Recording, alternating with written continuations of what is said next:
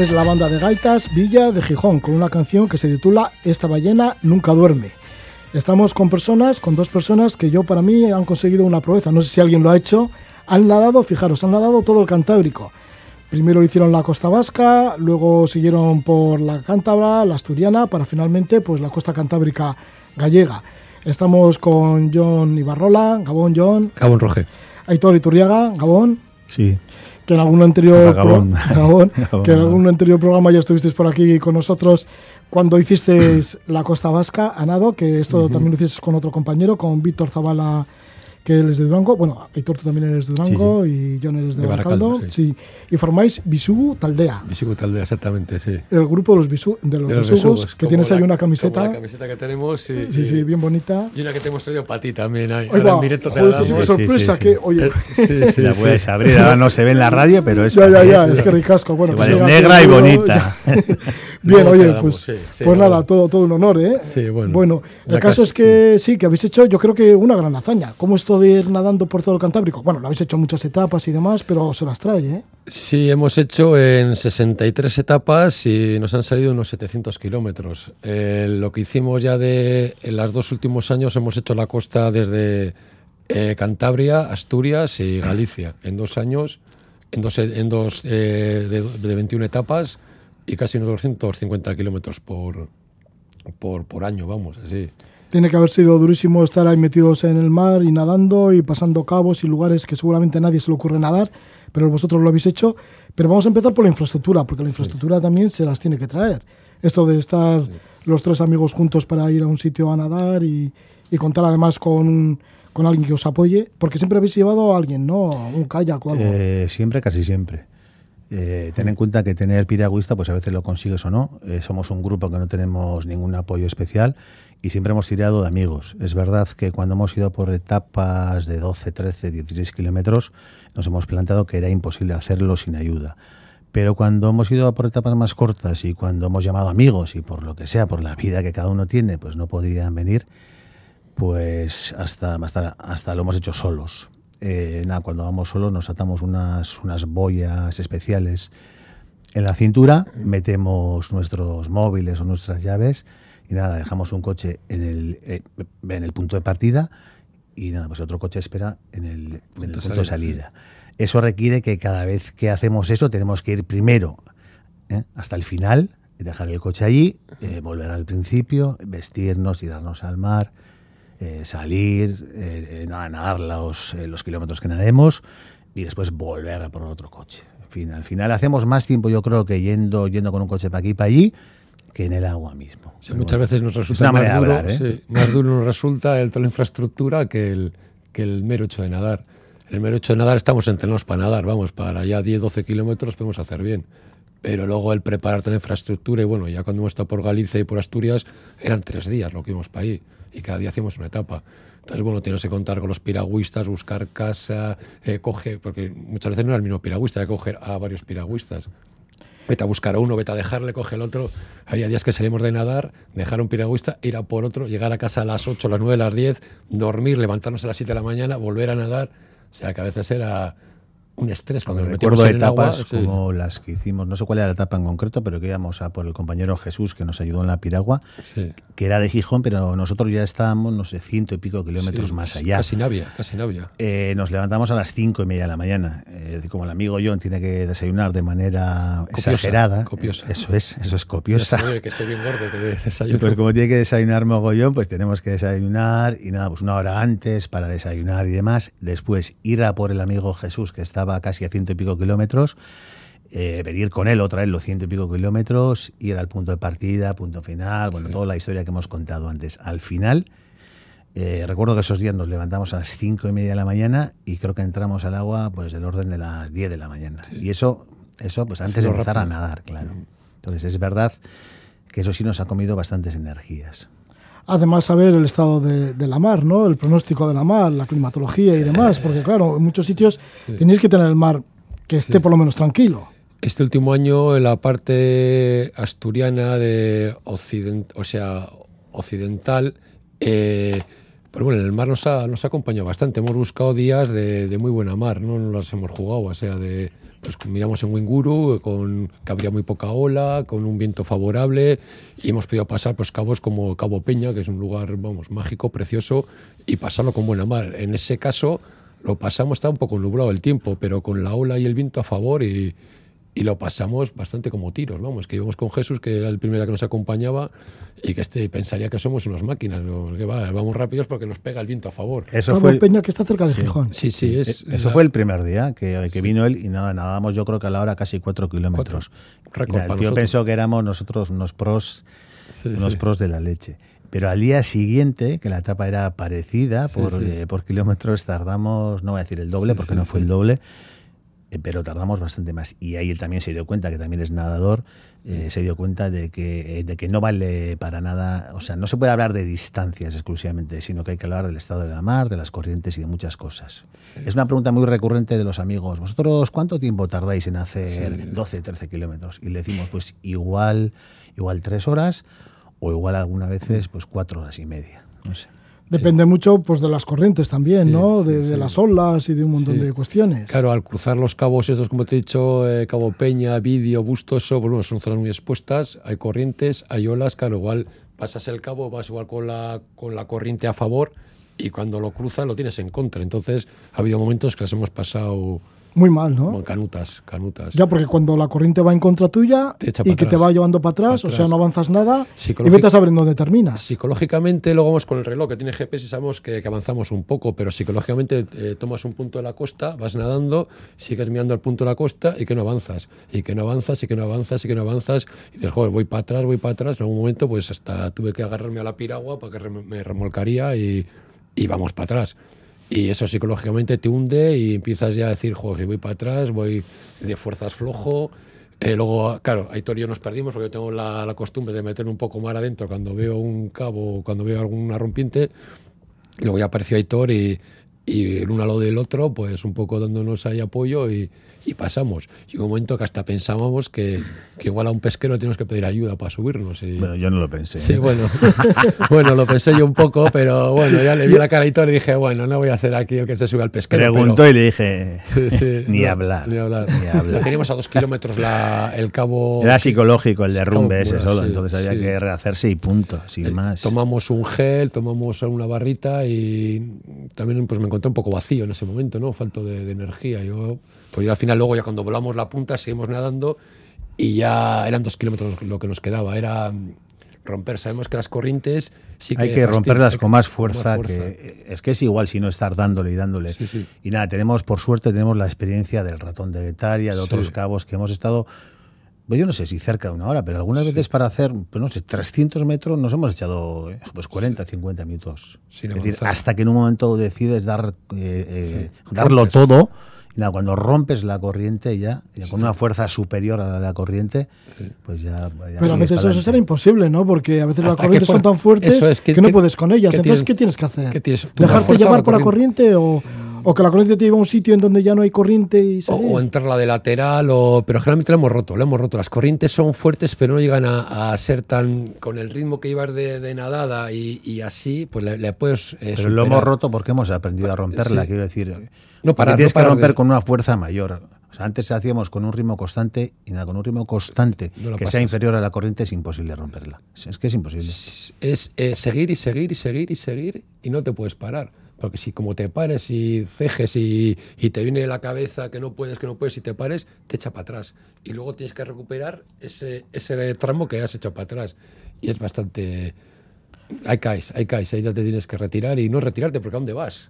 No tienes que ir atrás. ¿Qué ves? ¿Muy lejos de la costa?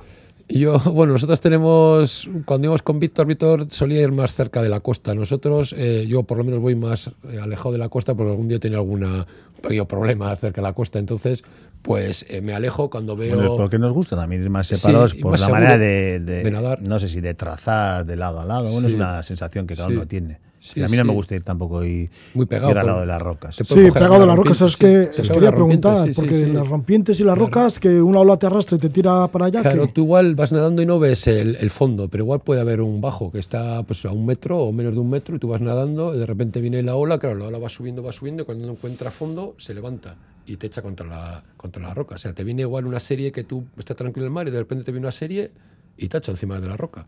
Entonces, para que eso no pase, pues nos abrimos. Bueno, la verdad es que también ya tantas etapas y tanto tiempo en el mar ya hemos aprendido, por Sí, lo menos, sí. a no morirnos, para que no nos... Sí, sí, sí, sí.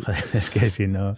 Porque han sido muchísimas horas, ¿no? Primero fue la Costa Vasca, que empezaste en el 2015, la terminaste en el 2016, Sí. y ahora habéis hecho Cantabria, Asturias y Galicia del 2017 al 2018.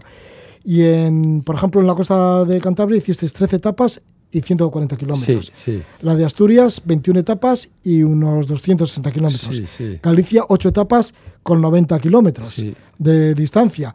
Y has- habéis hablado del Cabo Peña, Sí. pero bueno, habéis tenido muchos otros cabos, ¿no? Esta- por ejemplo, Estaca de Bares. En Estaca de Bares, que ese es el punto más al norte de la península.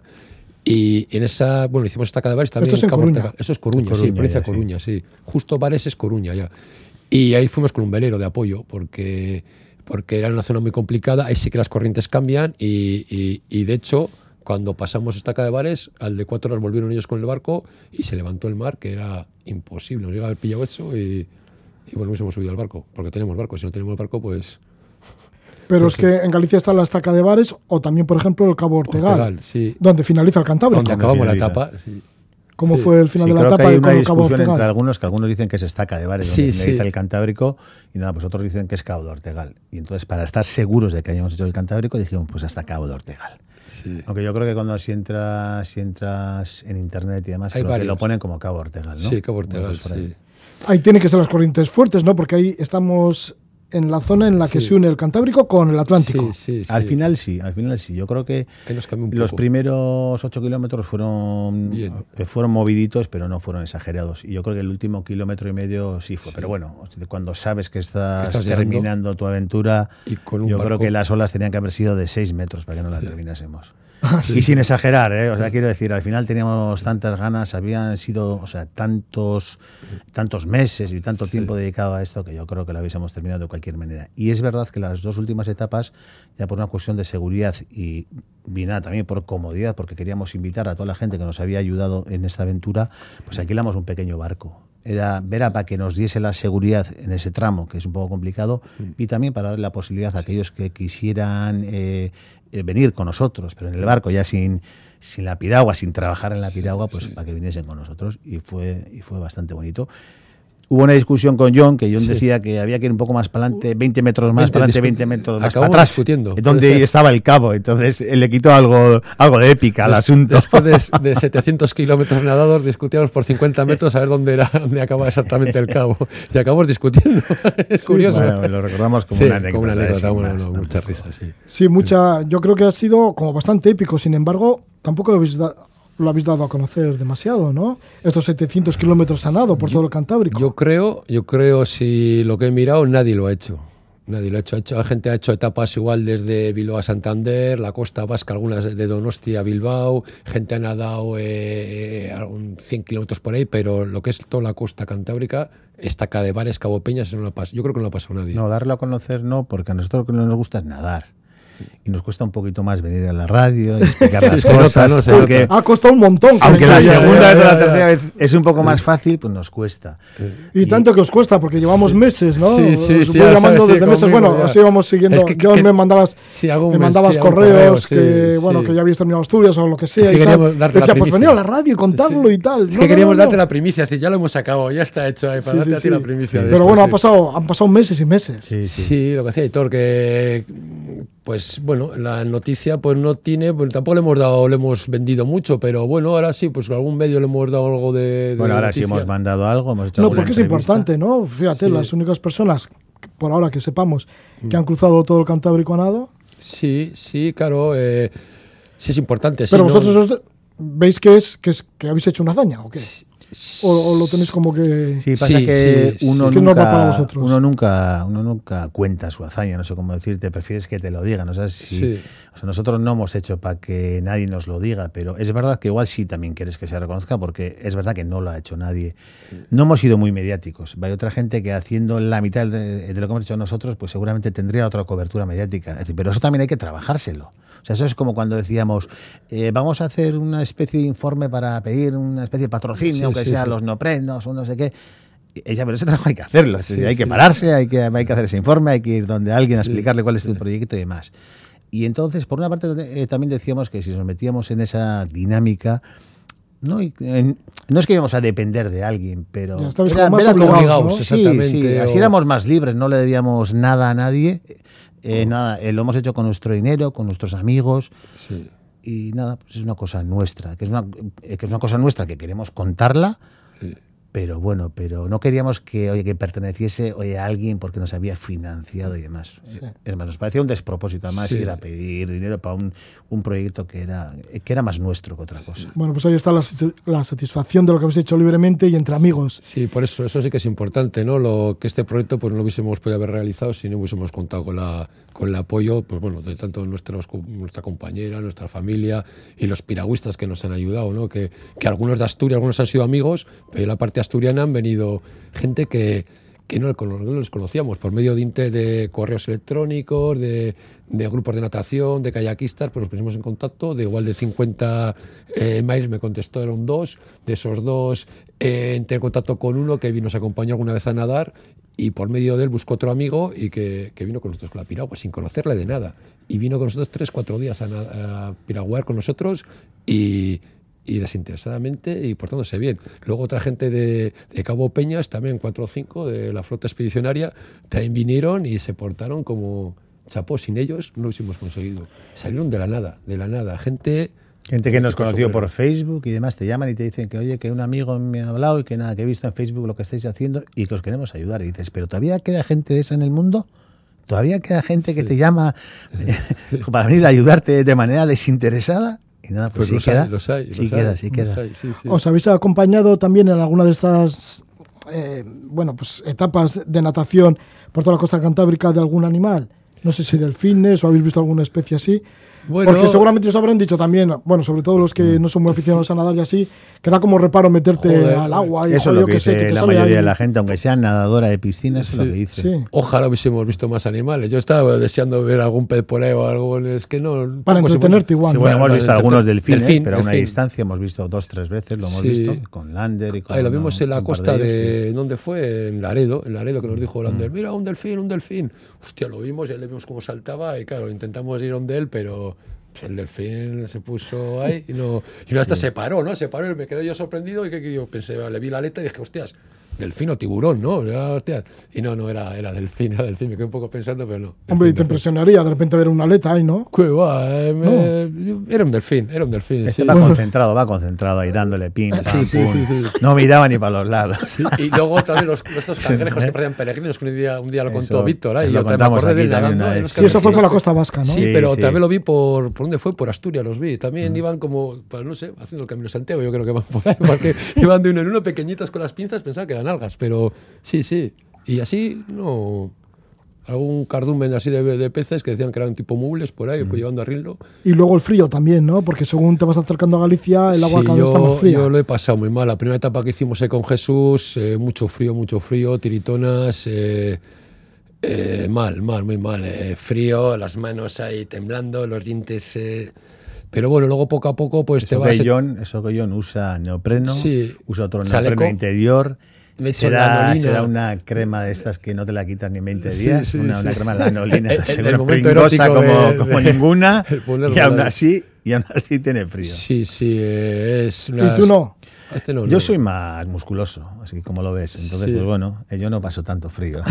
Yo siempre tengo es que John es un tirillas sí. y entonces, pues, eh, Sí, sí, mira, que como es poca muy- cosa, Bastante delgado y alto. Estoy Como muy es poca y- cosa. Y, encima adelgazó un poco, con el neopreno me quedó grande, me entraba agua, entonces tuve que echar eh, empezar a nadar con el neopreno, el viejo, que tiene también algún agujero por ahí y me está más justo, pero me hace su función. Entonces, el frío para mí ha sido un, un problema, aunque las últimas etapas ya las he, las he superado mejor, mejor ahí de... Sí, sí, ya. eh, con el té que llevamos, con El el, té- té el té caliente, caliente, se pues, toma el el té té. echas té, no a las para- 5, para- se lo tomaba a cualquier hora ahí, pero sí. Sí, sí. sí, sí. Bueno, en definitiva, que habéis conseguido vuestro proyecto de hacer todo el Cantábrico a nado. Estamos con las dos personas que han llevado a cabo, déjame decirlo, esta hazaña. Sí, Y sí. son John Ibarrola, que él es de Baracaldo, y Heitor Iturriaga, de Durango. Os ha acompañado también gran parte del recorrido vuestro compañero Víctor Zavala, de Sí, Durango. sí. Opa, Víctor. Sí, Opa, sí. Víctor, le damos recuerdos, que también estuvo Sí, en sí, que estuvo aquí, varias veces, cuando sí. terminasteis la Costa Vasca a nado. Pues muchísimas gracias por estar con nosotros, Sí, es todo sí. un honor Sí, sí. que aparezcáis por aquí. Gracias por la presencia, Johnny Barrola Muchas gracias, Roger. y Aitor Iturriaga. Ez ondo. Eskerrik asko zuri.